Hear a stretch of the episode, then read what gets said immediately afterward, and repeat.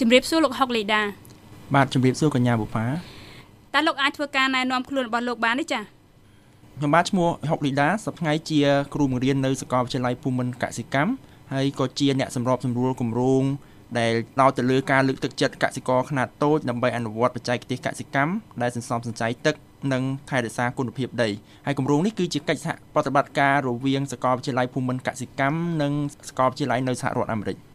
តើលោកអាចមានប្រសាសន៍អំពីព័ត៌មានលម្អិតនៃគម្រោងនេះបានទេចា៎គម្រោងនេះគឺផ្ដល់មូលធិស្រាវជ្រាវដោយទីភ្នាក់ងារសហរដ្ឋអាមេរិកសម្រាប់អភិវឌ្ឍអន្តរជាតិដែលយើងផ្ដោតសំខាន់ទៅលើខេត្តសៀមរាបហើយគម្រោងនេះមានគោលបំណងសំខាន់គឺក្នុងការបញ្ជ្រាបបច្ចេកទេសកសិកម្មថ្មីថ្មីទៅដល់កសិករដែលគាត់អាចប្រើប្រាស់ដើម្បីបង្កើនផលិតភាពដំណាំរបស់គាត់តើហេតុអីបានជាគម្រោងនឹងអាចនឹងមានផលប្រយោជន៍ចំពោះគាត់ចា៎ ជាទូទៅនៅក្នុងការអនុវត្តបច្ចេកទេសកសិកម្មកសិករភាគច្រើនគាត់តែងតែអនុវត្តបច្ចេកទេសគាត់ដោយគាត់អាចគ្រាន់តែធ្វើតតគ្នាពីកសិករមួយទៅកសិករមួយភាគច្រើននៃបច្ចេកទេសហ្នឹងมันបានជួយថែរក្សាគុណភាពដីនិងមាននិរន្តរភាពសម្រាប់ផលិតកម្មដំណាំរបស់គាត់ទេអញ្ចឹងនៅក្នុងគម្រោងនេះយើងនឹងព្យាយាម ណែនាំឬក៏បញ្ជ្រាបនៅបច្ចេកទេសថ្មីថ្មីដែលអ្នកស្រាវជ្រាវផ្សេងផ្សេងបានរកឃើញហើយយើងជឿជាក់ថាបច្ចេកទេសទាំងអស់នោះគឺអាចជួយបង្កើនផលិតភាពកសិកម្មរបស់គាត់បានចាលោកអរគុណតើលោកអាចបញ្យល់បានថាកម្មវិធីរបស់លោកនេះជួយកសិករនឹងយ៉ាងម៉េចដែរចា នៅក្នុងការបញ្ជ្រាបបច្ចេកទេសថ្មីរបស់យើងនឹងគម្រោងបានផ្ដល់ជាធាតុចូលកសិកម្មផ្សេងផ្សេងដែលកសិករត្រូវការនៅពេលដែលគាត់ចាប់ផ្ដើមអនុវត្តគម្រោងនឹងដំបូងអញ្ចឹងឧទាហរណ៍ដើម្បីសន្សំសំចៃទឹកគឺយើងចាប់ផ្ដើមណែនាំនៅប្រព័ន្ធស្រោចស្រពដោយប្រើប្រព័ន្ធតំណក់ទឹកអញ្ចឹងនៅក្នុងហ្នឹងគម្រោងរបស់យើងបានជួយជាធុងទឹកនិងទុយោដំណក់ទឹកហ្នឹងជូនដល់កសិករប៉ុន្តែនៅក្នុងការផ្ដល់ជូនដល់កសិករហ្នឹងគឺយើងបានធ្វើកិច្ចសន្យាជាមួយគាត់ថាគាត់នឹងអនុវត្តបច្ចេកទេសរបស់យើង ដោយមានជំនួយបច្ចេកទេសពីខាងគម្រោងមួយទៀតគឺយើងក៏បានផ្ដល់ជាក្របពូជយើងផ្ដល់ជាជីដើម្បីឲ្យគាត់ប្រើប្រាស់នៅក្នុងការបង្កើនផលិតភាពដំណាំរបស់គាត់ហើយគម្រោងយើងក៏ផ្ដល់ថវិកាដល់សហគមន៍ដើម្បីគាត់អាចទិញនៅរមាក់កង់3ដើម្បីគាត់អាចប្រមូលកសិផលរបស់គាត់ដែលបានពីការដាំដុះរបស់គាត់ហ្នឹងគាត់អាចយកលក់ទៅទៅទីផ្សារផ្ទាល់ព្រោះជាទូទៅ នៅក្នុងសហគមន៍របស់គាត់គឺមានឈ្មួញកដាលគាត់ដើរទិញកសិផលទាំងអស់ហ្នឹងអញ្ចឹងដល់យល់ឃើញថានៅពេលដែលមានឈ្មួញកណ្ដាលមកទិញអញ្ចឹងធ្វើឲ្យតម្លៃកសិផលរបស់គាត់ហ្នឹងទាបជាងនៅពេលដែលគាត់យកទៅលក់នៅទីផ្សារផ្ទាល់អញ្ចឹងខាងគម្រោងក៏រៀបចំជាបន្ទប់ត្រជាក់មួយដើម្បីគាត់អាចប្រមូលនៅកសិផលរបស់គាត់បានមកហើយគាត់អាចទុកនៅបន្ទប់ត្រជាក់ហ្នឹងបានគាត់អាចបង្កើនរយៈពេលនៅក្នុងការស្តុកទុកកសិផលរបស់គាត់ អញ្ចឹងលំអកង់3ហ្នឹងគឺយើងជ្រើសរើសកសិករនៅក្នុងសហគមន៍ហ្នឹងដែលគាត់មានឆន្ទៈជួយនៅក្នុងការដើរលក់កសិផលរបស់គាត់ហ្នឹងតាមគេហដ្ឋានរបស់ប្រជាជននៅក្នុងខេត្តសៀមរាបនឹងផ្ទាល់ដូចនេះដែលប្រជាជនភាគច្រើនគាត់ស្គាល់ថានេះជាផលិតផលចេញមកពីកសិករផ្ទាល់ហើយក្នុងចែកទេសរបស់យើងគឺយើងអត់បានប្រើនៅសារធាតុគីមីច្រើនទេគឺយើងព្យាយាមធ្វើអបបរមានៅក្នុងការប្រើប្រាស់សារធាតុគីមីដែលយើងអាច ផ្ដល់ជាកសិផលមួយជាដំណាំជាផលិតផលមួយដែលមានសុវត្ថិភាពខ្ពស់អរគុណចាតើគម្រោងនេះដែរលោកធ្វើជាមួយនឹងកសិករប្រមាណគ្រួសារដែរចាហើយចាប់ផ្ដើមតាំងពីឆ្នាំណាដែរចាគម្រោងនេះយើងចាប់ផ្ដើមនៅក្នុងឆ្នាំ2015ដោយយើងមានកិច្ចសហប្រតិបត្តិការជាមួយនឹង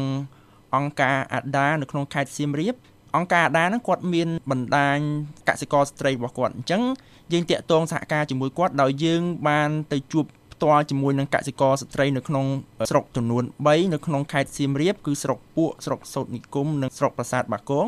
ហើយយើងក៏បានណែនាំគាត់ពីគម្រោងរបស់យើងហើយនិងពីបច្ចេកទេសរបស់យើងដែលនឹងផ្ដល់ជូនគាត់ដើម្បីអនុវត្តក្រោយមកទៀតយើងចាប់ដើមសួរយោបល់របស់គាត់ថាតើគាត់ចាប់អារម្មណ៍ក្នុងការចូលអនុវត្តគម្រោងរបស់យើងក៏អត់អញ្ចឹងមកដល់បច្ចុប្បន្ននេះសម្រាប់ខេត្តសៀមរាបហ្នឹងគឺយើងបានអនុវត្តជាមួយនឹងកសិករ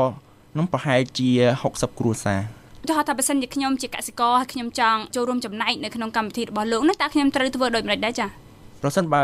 បងប្អូនកសិករមានចំណាប់អារម្មណ៍នៅក្នុងការចូលរួមក្នុងការអនុវត្តគម្រោងដែលប្រើប្រាស់បច្ចេកទេសទាំងអស់នេះបងប្អូនកសិករអាចតាក់ទងទៅសហគមន៍ຂ្នាតសាមគ្គីរុងរឿងដែលមានអាស័យដ្ឋាននៅក្នុងភូមិអំពិលពីមឃុំຂ្នាតស្រុកពួកខេត្តសៀមរាបនៅពេលដែលបងប្អូនកសិករធ្វើការតាក់ទងមកសហគមន៍ຂ្នាតសាមគ្គីរុងរឿងបុគ្គលិកគម្រោងដែល កំពុងតែធ្វើការនៅទីនោះនឹងជួបពិភាក្សាជាមួយនឹងបងប្អូនកសិករហើយយើងនឹងកំណត់ថាតើយើងអាចសហការគ្នាតាមរបៀបណាតើលោកអាចមានប្រសាសន៍អំពីផលលំបាកឬកត្តាប្រឈមនៅក្នុងគម្រោងនេះបានទេចា៎ចំពោះផលវិបាកនិងបញ្ហាប្រឈមដែលយើងសារជួបនៅក្នុងការអនុវត្តជាទូទៅគឺតាក់ទងជាមួយនឹងការទទួលយកនៅបច្ចេកទេសរបស់កសិករហើយកសិករមួយចំនួនគាត់នៅតែអនុវត្តបច្ចេកទេសដែលគាត់ធ្វើតតគ្នាពីមុនមក ទោះបីជាយើងព្យាយាមច្រើនក៏ដោយតែគាត់នៅមិនងាយទទួលយកដោយសារគាត់យល់ឃើញថានៅក្នុងពេលដែលគាត់ចាប់ផ្ដើមអនុវត្តគម្រោងថ្មីវាមានភាពបថុយបឋានច្រើនព្រោះគាត់អត់ដឹងថាតើបច្ចេកទេសថ្មីមួយហ្នឹងវាអាចជួយបង្កើនផលិតភាពដំណាំបានឬក៏មិនបានហើយផ្នែកមួយទៀតហ្នឹងគឺតាក់ទងជាមួយនឹងការចំណាយផ្សេងផ្សេងនៅពេលដែលគាត់ចាប់ផ្ដើម អនុវត្តនៅបច្ចេកទេសថ្មីមួយអញ្ចឹងហើយបាននៅក្នុងគម្រោងរបស់យើងគឺយើងបានផ្ដល់ជា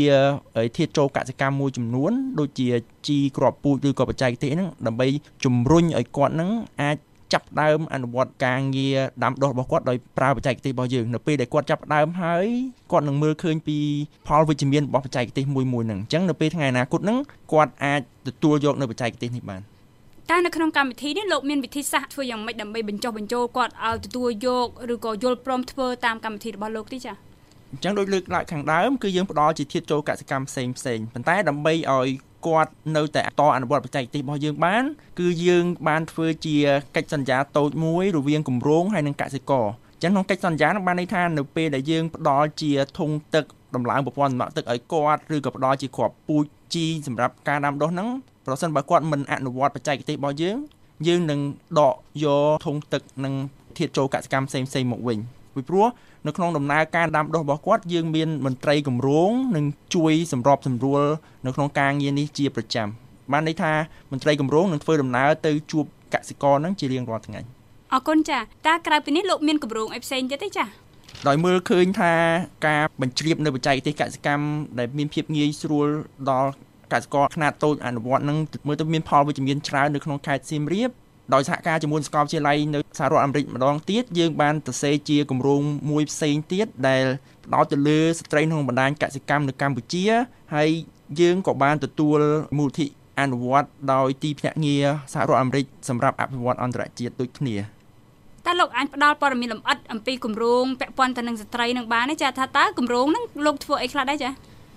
វាស្តៀងជាមួយនឹងគម្រោងដែលខ្ញុំបានលើកឡើងនៅសៀមរាបអញ្ចឹងអញ្ចឹងគម្រោងថ្មីហ្នឹងគឺមានរយៈពេល4ឆ្នាំដែលចាប់ផ្ដើមពីឆ្នាំ2016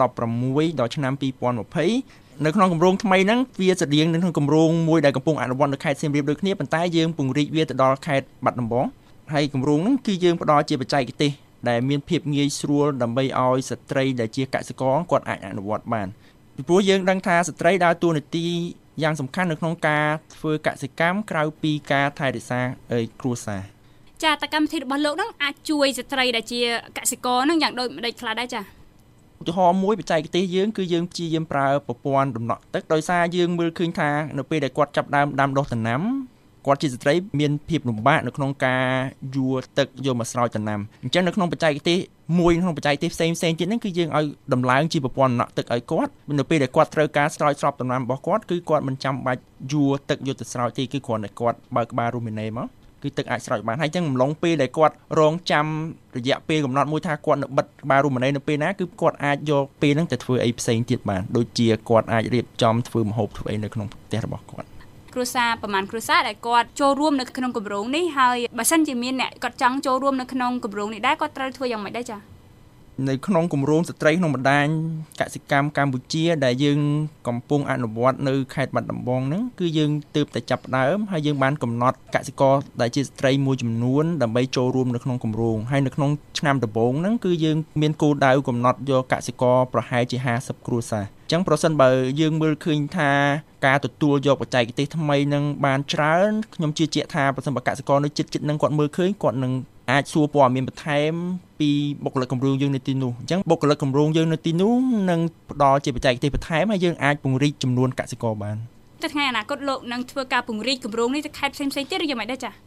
តាមរយៈការអនុវត្តកន្លងមកយើងឃើញថាវាមានផលវិជ្ជមានច្រើនចំពោះកសិករខ្នាតតូចដែលទទួលយកបច្ចេកទេសកសិកម្មដែលបានចេញពីគម្រោងនេះអញ្ចឹង យើងនឹងព្យាយាមរកនៅប្រភពថវិកាផ្សេងផ្សេងទៀតដើម្បីពង្រីកគម្រោងនេះទៅខេត្តផ្សេងផ្សេងទៀតពីព្រោះថានៅខេត្តផ្សេងផ្សេងទៀតក៏មានកសិករខ្នាតតូចដូចគ្នាអញ្ចឹងយើងព្យាយាមលើកទឹកចិត្តឲ្យកសិករខ្នាតតូចអាចផលិតដំណាំបានកាន់តែច្រើនដើម្បីអាចផ្គត់ផ្គង់ទីផ្សារនៅក្នុងស្រុកតាមរយៈលទ្ធផលនៃការស្រាវជ្រាវវិទ្យាសាស្ត្រផ្សេងផ្សេងយើងឃើញថាបច្ចេកទេសដែលគម្រោងកំពុងតែផ្សព្វផ្សាយជូនកសិករវាមានផលប្រយោជន៍ច្រើននៅក្នុងការបង្កើនផលិតភាពដំណាំរបស់គាត់ ក៏ដូចជាការថែរក្សាគុណភាពដី នៅពេលដែលគាត់អាចផលិតដំណាំបានច្រើនគាត់អាចប្រើប្រាស់នៅក្នុងគ្រួសាររបស់គាត់ជាពិសេសគាត់អាចមានប្រភពអាហារូបត្ថម្ភគ្រប់គ្រាន់សម្រាប់គ្រួសារហើយនៅពេលដែលគាត់អាចផលិតបានច្រើនគាត់នឹងមានផលិតផលមួយចំនួនដែលអាចនៅសេសសល់អញ្ចឹងគាត់អាចលក់នៅទីផ្សារដើម្បីបង្កើនប្រាក់ចំណូលគ្រួសាររបស់គាត់ដោយមើលឃើញកត្តាទាំងអស់នេះហើយនៅថ្ងៃអនាគតខាងសាកលវិទ្យាល័យភូមិន្ទកសិកម្មក៏ដូចជាដៃគូអនុវត្តគម្រោង